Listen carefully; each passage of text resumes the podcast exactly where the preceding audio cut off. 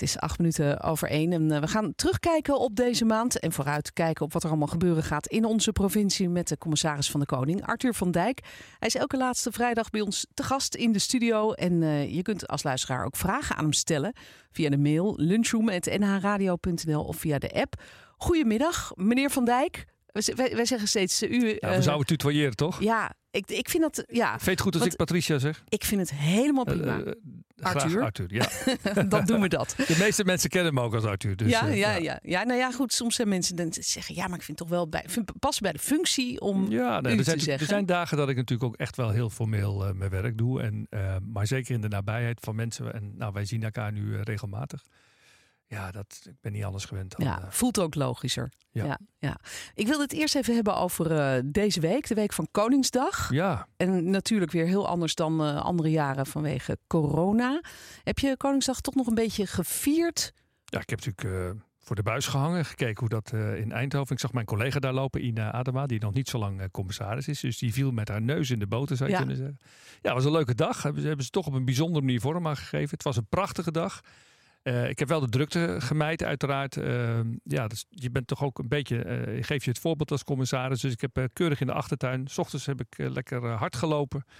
Smiddags ben ik met, met Inge, mijn vrouw, een lange wandeling gaan maken. We lopen trouwens heel veel met corona. Oh ja. Ik denk dat we dat ook inhouden. Want Ja, is wel goed ik heb hè? nog nooit zoveel met mijn vrouw gesproken als de afgelopen maanden. Want elke avond lopen we wel een paar kilometer. Wat heerlijk is dat hè? En, ook goed en voor de relatie gegeten. toch? Het is gewoon eh, fantastisch. Lekker samen wandelen. Nou ja, je moet kletsen. eigenlijk die, die kans van. Kijk, corona heeft natuurlijk heel veel beperkingen. eh, maar het brengt denk ik ook heel veel eh, andere zaken. En een van de dingen is dat wij eh, het gebruiken om, eh, om een beetje gezond bezig te blijven. Ja, toevallig was er gisteren bij mij in de uitzending een, eh, een wetenschapper die doet onderzoek naar geluk ook in tijden van corona. Die zei: heel veel mensen ervaren eh, een aantal aspecten van die lockdown ook wel als heilzaam. Het feit dat, dat je meer de natuur, dat je meer gaat lopen, dat je meer met elkaar bent, eh, hè, binnen je relatie dan natuurlijk, eh, dat dat ook wel prettig kan zijn. Maar ik kan me voorstellen dat eh, zeker als je een gezin hebt, en dat heb je ook, Ja. eh, dat het ook wel heel veel problemen levert. Hè? De- Die lockdown, eh, scholen die dicht zijn. Ja.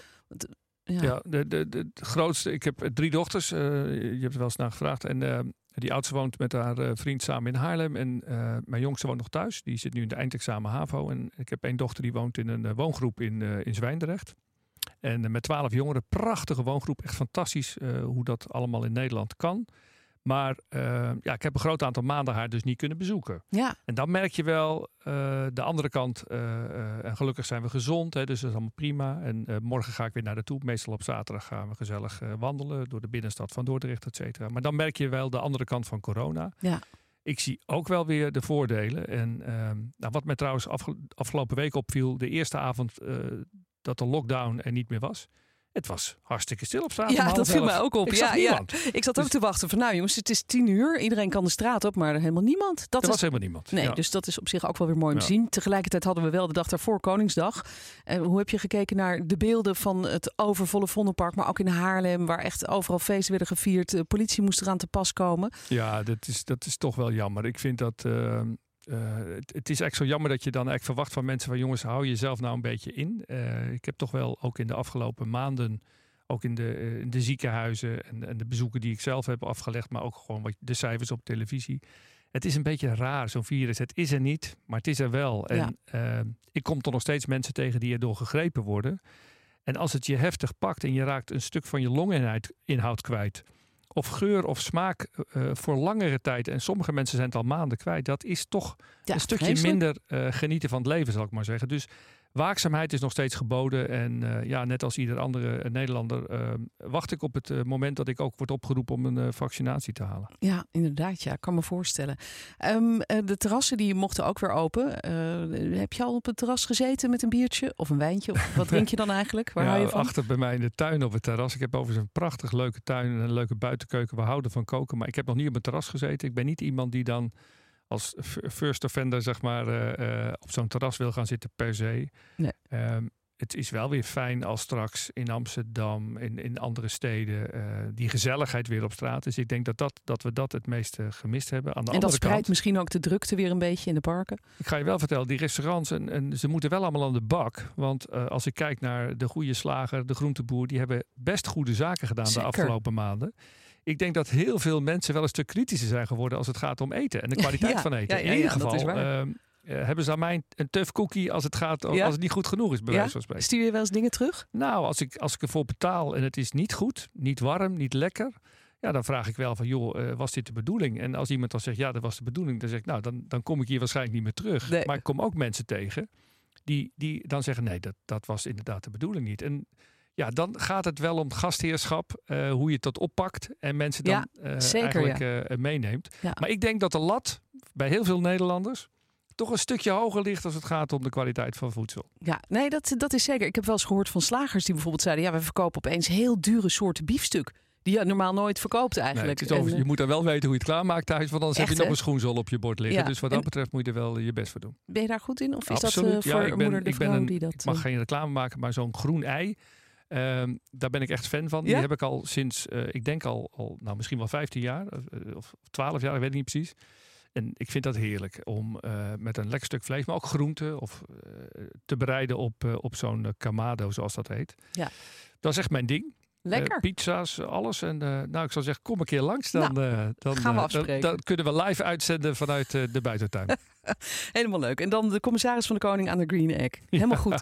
Straks eh, praat ik verder met Arthur van Dijk. Hij is eh, onze commissaris van de Koning in Noord-Holland. En dan gaan we het ook nog even hebben over wat eh, ja, serieuze zaken. Want eh, bijvoorbeeld de windmolens, daar is veel over te doen. En ik heb ook nog wat vragen van luisteraars. Die gaan we dan beantwoorden zo dadelijk. En als jij zelf een vraag hebt, dan kun je die stellen via de mail lunchroom.nhradio.nl of anders via de app. WhatsApp nu de studio 088 850 51 52. Nona hoorde je. Don't cry me a river. Het is 18 minuten over 1 en ik praat vandaag met de commissaris van de Koning, Arthur van Dijk. Die is hier één keer in de maand om eh, ja, te praten over actualiteiten in onze provincie. En een onderwerp dat veel mensen bezighoudt is de windmolens. Veel mensen maken zich zorgen over een besluit van de provincie om de afstand tot woningen te verkleinen van 600 naar 350 meter. Vorige week was er een virtuele inspreekavond met 128 bezorgde insprekers. Nou, volgens mij hebben jullie dat niet eerder meegemaakt, toch? Zoveel insprekers, dat was echt een unicum volgens mij. Zeker. En eh, het is ook heel knap hoe dat eh, door de Griffie eh, van de provincie allemaal in goede baan is geleid. En dat is ook aardig gelukt. Hebben mensen wat gegroepeerd. En ik ben daar blij om, want ik ben ook blij dat, dat mensen die mogelijkheid hebben om hun mening te laten horen. Ik denk dat Ja. dat een van de kernelementen ook wel is de komende tijd is. Hoe zorg je dat mensen eh, kunnen participeren, hun stem kunnen laten horen. En eh, zelfs in coronatijd. Eh, Ja. Dus dat is, dat is heel belangrijk. En misschien gaat dit nog hoogstandje. Maar, Misschien is dit ook wel een blijvertje als je kijkt naar de toekomst.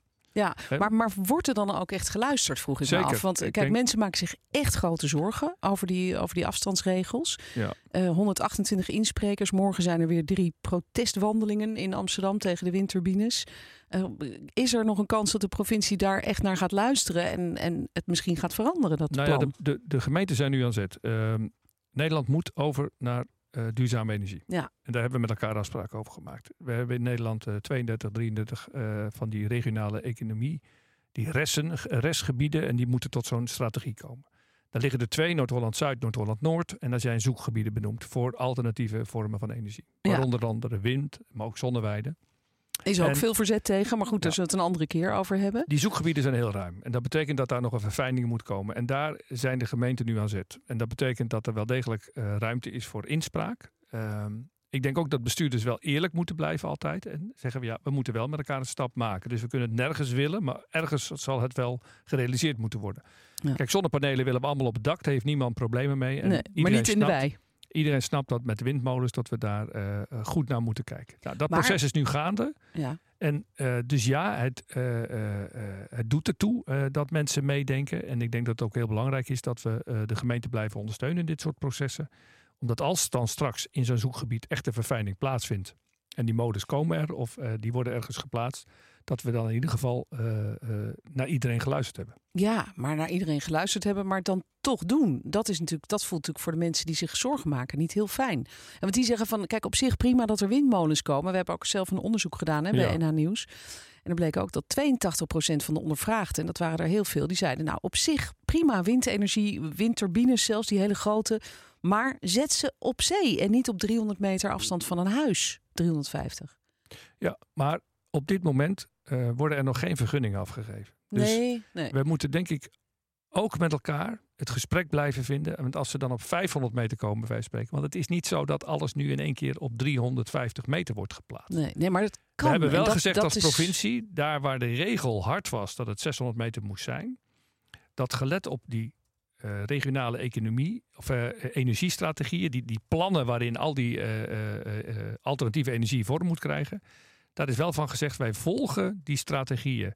En eh, als dat betekent eh, dat het dichterbij moet zijn dan 600 meter, dan zou dat kunnen. Maar dat- dan is ook draagvlak natuurlijk wel een heel belangrijk eh, Ja. element. En Nou, dat ik- blijkt er niet echt te zijn. nou, laat ik zo zeggen, daar moeten gemeenten met inwoners, maar het gaat niet alleen om inwoners, het gaat ook om mensen die op het land werken, boeren, bedrijven, eigenlijk heel breed. Ja, ja. Zul je daar met elkaar het gesprek aan moeten gaan. At the end komt er natuurlijk ergens wel een keer een keuze eh, uitrollen, want we zullen toch met elkaar moeten leveren. Maar, maar is het dan niet te laat? Hè? Veel mensen denken natuurlijk toch van ja, nu zegt de provincie van oké, het mag 350 meter. Daarmee zegt de provincie natuurlijk niet van het moet daar komen, maar het, het Nee. zou in principe moeten kunnen. Dat is alvast stap 1. En dan gaat de gemeente straks zeggen, nou dan, dan eh, kiezen we dat ja, maar er zijn nu ook zoekgebieden eh, ingepland op bijvoorbeeld, dat noemen we bijzonder provinciaal landschap. Hè. Dat zijn eigenlijk landschappen waarvan de provincie zegt dat willen we open houden, dat willen we groen houden. En wat we zien is dat eh, ook daar soms zoekgebieden gepland zijn. Ja, en dat zal waarschijnlijk in de praktijk op die plekken ook niet gaan gebeuren. Nee. Dus eh, Maar mensen, zou je niet zelf zeggen van, ik ga gelijk weer u zeggen. ja. Eh, Zou je niet zelf eh, liever zeggen van, nou ja, wij nemen als provincie een soort standpunt in. Wij vinden het niet gewenst dat er windmolens op 350 meter van een huis komen te staan. Eh, want hè, er zijn allerlei eh, redenen voor te bedenken. Hè, die, die, die, die diepe trillingen en zo. Mensen maken zich zorgen over hun gezondheid.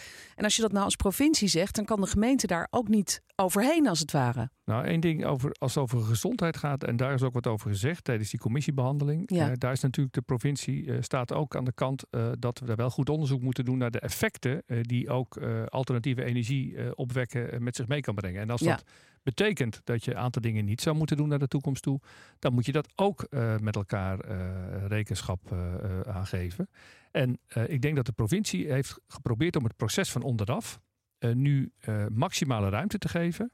Maar eh, ik denk niet dat dat gaat betekenen dat in één keer al die gemeenten allemaal die grens van die 350 meter gaan opzoeken. Nee, Omdat ze, dan komen ze een hele bevolking tegen. Dus Ja. dat is juist de bedoeling dat ze daar ergens tussenuit, eh, tussenin uit gaan komen op een, op een manier dat het toch maximaal draagvlak is. Maar uiteindelijk, en dat is ook politiek, we moeten met elkaar, ook voor onze kinderen, eh, zorgen dat er een gezonde wereld overblijft.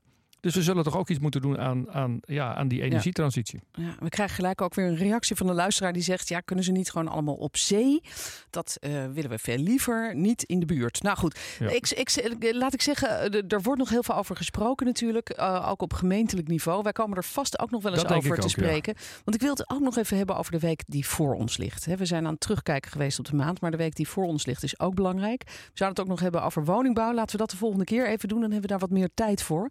Ehm, volgende week is namelijk ook een belangrijke week. Dan hebben we de dodenherdenking Ja. op 4 mei. Gevolgd door Bevrijdingsdag natuurlijk op 5 mei. Ehm, hoe, hoe sta je zelf stil bij de oorlog en de bevrijding? Is dat een belangrijk thema in je leven? Ja, eh, eigenlijk heel erg en nog veel meer geworden. Want vorig jaar was het 75 jaar Ja. vrijheid. Dus toen hebben we extra aandacht gegeven aan, eh, aan dit onderwerp. Maar ik hecht wel heel veel waarde dat mijn kinderen opgro- opgroeien in een land waar je jezelf kunt zijn. En waar je de dingen kunt zeggen zoals je, eh, met respect naar de ander natuurlijk. Maar wel eh, nou, dat je echt vrij voelt. In de dingen die je wil doen, in je eigen ontplooiing, eh, in alles. En dus vrijheid is heel veel waard. En we zien op heel veel plekken in de wereld dat die vrijheid nog wel eens ter discussie staat. Dus die 4 mei, vind ik, is altijd toch wel weer een heel bijzonder moment. En ik vind het ook heel knap hoe we in Nederland eh, toch ook weer proberen om jongere generaties daarbij te betrekken. Ja. En eh, zelf zal ik eh, ook op de Dam zijn eh, 4 mei. En het cortège, zoals dat heet, met het Koninklijk Echtpaar meelopen. En Gerdy Verbeet, de voorzitter van eh 4-5 mei-comité, de burgemeester van Amsterdam en de Eerste Tweede Kamervoorzitter. Dus met elkaar zullen we dat weer zonder publiek doen. Wat vorig jaar eigenlijk al een hele bijzondere Ja. gebeurtenis was. En misschien Heel ook wel een soort van extra lading Ja, gaf aan, Zeker. Aan het feit dat, eh, ja, dat, dat vrij zijn dat dat heel belangrijk is. En daar staat natuurlijk 5 mei dan eh, achter, komt daar achteraan. Nou, dat is eigenlijk wel jammer. Hè. Ik had je graag uitgenodigd als je dan kijkt op het Vlooiveld bij ons, het gras voor. Al meer dan 40 jaar een van de oudste bevrijdingspop van Nederland eh, in Haarlem. Eh, met dat prachtige provinciehuis op de achtergrond. Ja, dat, is leuk. Ik ben er wel eens geweest. Dat is fantastisch. zal nu Ja. online zijn. Ja. Bevrijdingspop.nl met de ambassadeurs Davida, eh, Michel, eh, Tino Martin en Jonna Fraser uit mijn hoofd gezegd. Kijk, ik heb het goed in één keer op de goed gezegd. hoogte. Ja, Gisteren moest ik een filmpje opnemen, heb ik het twintig keer moeten. Oh, echt? Ja, ik had het niet over Tino Martin, maar over Tino, Martin op een of andere Martin? manier. Je dacht aan de, aan de cognac. Maar het is dan ook alweer een mooie dag. Ehm, en ik vind die combinatie vind ik heel bijzonder. Maar ik vind het ook heel belangrijk dat we wel leren van dat verleden. En dat we. eh, er zijn nu heel veel discussies in Nederland over gelijkheid, over discriminatie, eh, mannen, vrouwen, et cetera. En dit zijn ook wel weer de momenten om. Ja, we zijn allemaal mens en we zijn allemaal gelijk. En onder de gelijken zijn verschillen. Ja. En je kunt dat ook positief eh, bekijken, namelijk dat die verschillen juist heel belangrijk zijn. Want Iets opgeteld maakt het iets moois. Ja, zo is het. Mooie laatste woorden. Ehm, ik wens je een mooie week. En eh, jullie ook. bijzondere herdenking. Donder, of op dinsdag de dodenherdenking. En dan daarna bevrijdingsdag op 5 mei. En over een maand dan spreken wij elkaar weer. Met heel veel plezier kom ik terug. Tot volgende.